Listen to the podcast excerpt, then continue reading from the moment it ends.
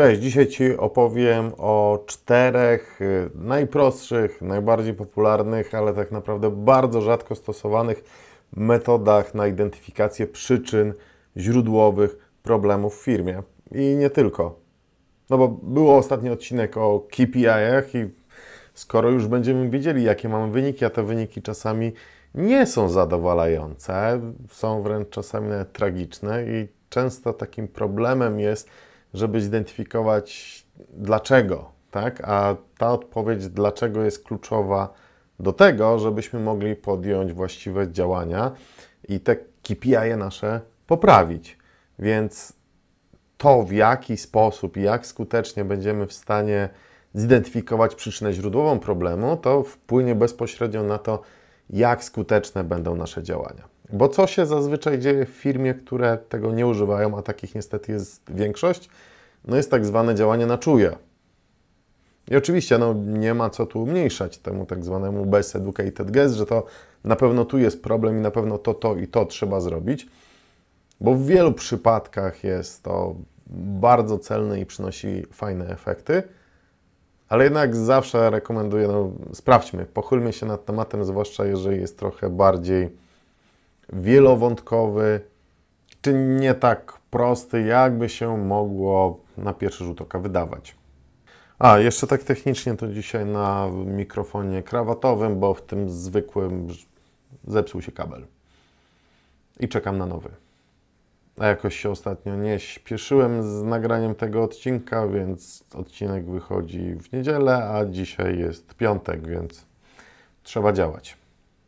Dobra, metoda pierwsza, czyli 5Y. Pięć razy dlaczego. Chyba każdy słyszał, ale tak naprawdę niewiele osób z tego korzystało.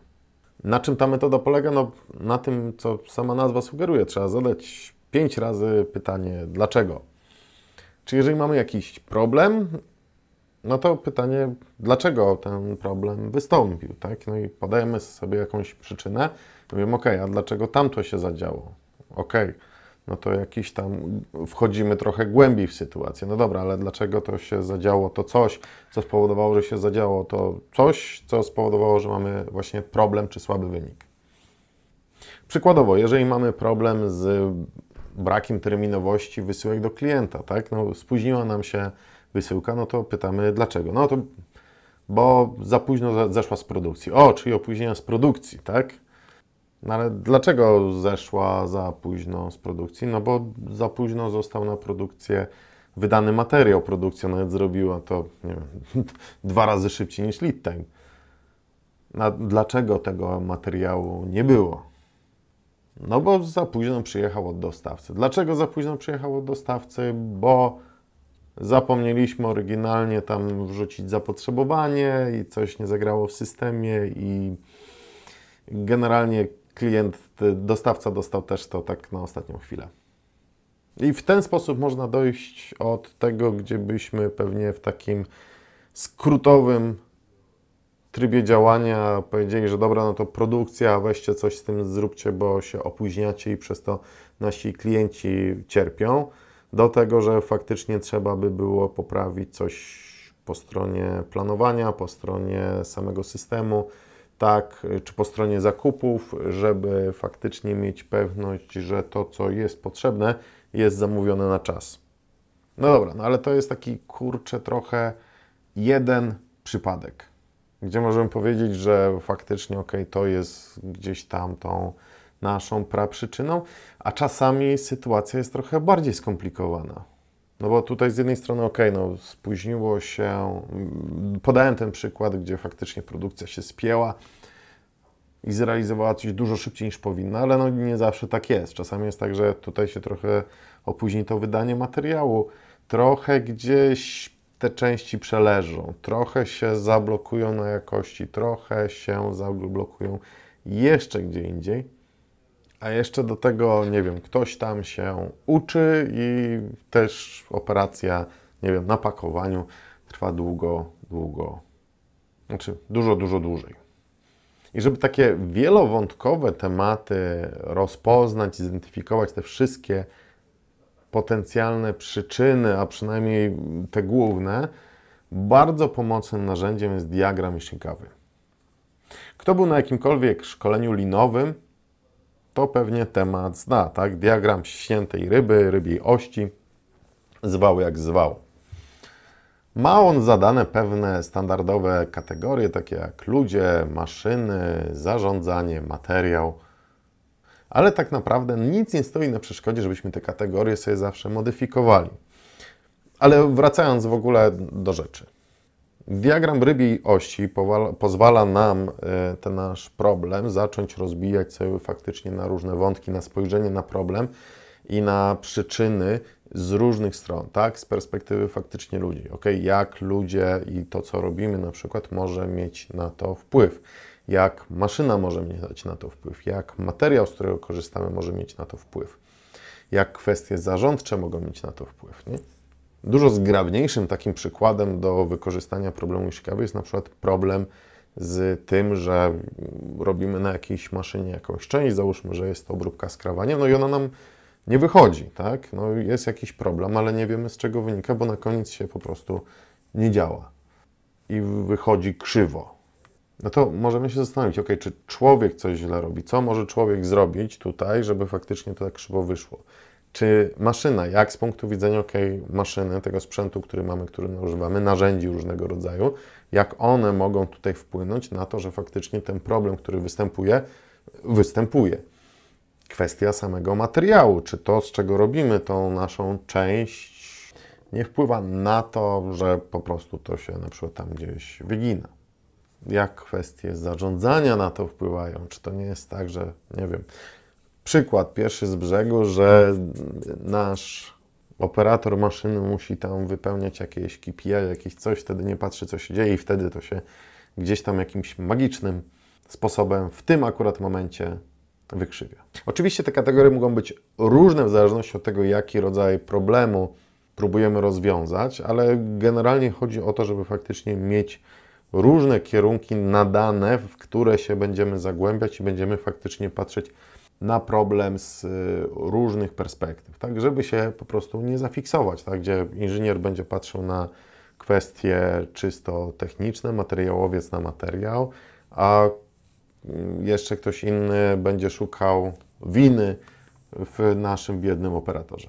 No dobra, no punktowo do takich punktowych rzeczy ten diagram i sikały może się przydać, tak? Ale jeżeli mamy cały ten proces produkcyjny, i musimy się zastanowić, gdzie tam są jakieś problemy i poszukać tamto, w jaki sposób do tego podejść, tak? No bo 5Y nam może jakoś tam pomóc, ale możemy wiele rzeczy pominąć i Shikawa też nam nie pomaga popatrzeć na cały proces z góry i tutaj z pomocą przychodzi mapowanie procesu.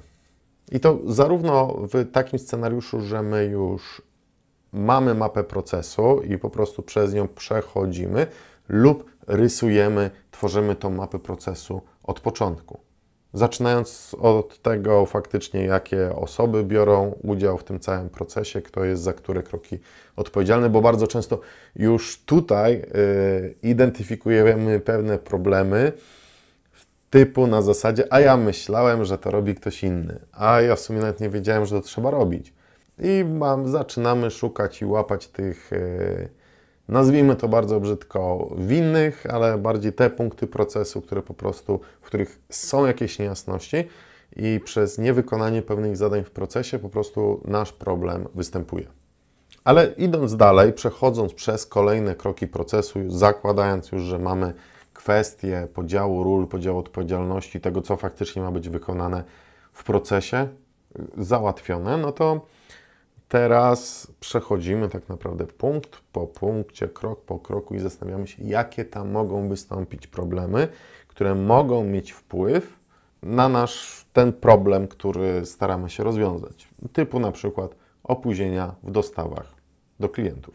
No i teraz pewnie część z Was pomyśla, że jeżeli tam znajdziemy jakiś problem, no to można go rozwalić Fireflyem, albo można do niego podejść też i. I tak się właśnie robi, no bo jeżeli gdzieś na tej naszej mapie procesu, czy w trakcie tego mapowania procesu wypiszemy sobie, że tam są różne problemy i będą one na tyle dla nas istotne, żeby faktycznie je zgłębić i żeby próbować jakoś procesowo, systemowo rozwiązać, to metody takie jak 5 razy dlaczego czy Ishikawa są jak najbardziej tutaj do zastosowania. No ale dobra, no mamy masę tych różnych problemów. No procesy są czasami bardzo długie, tak?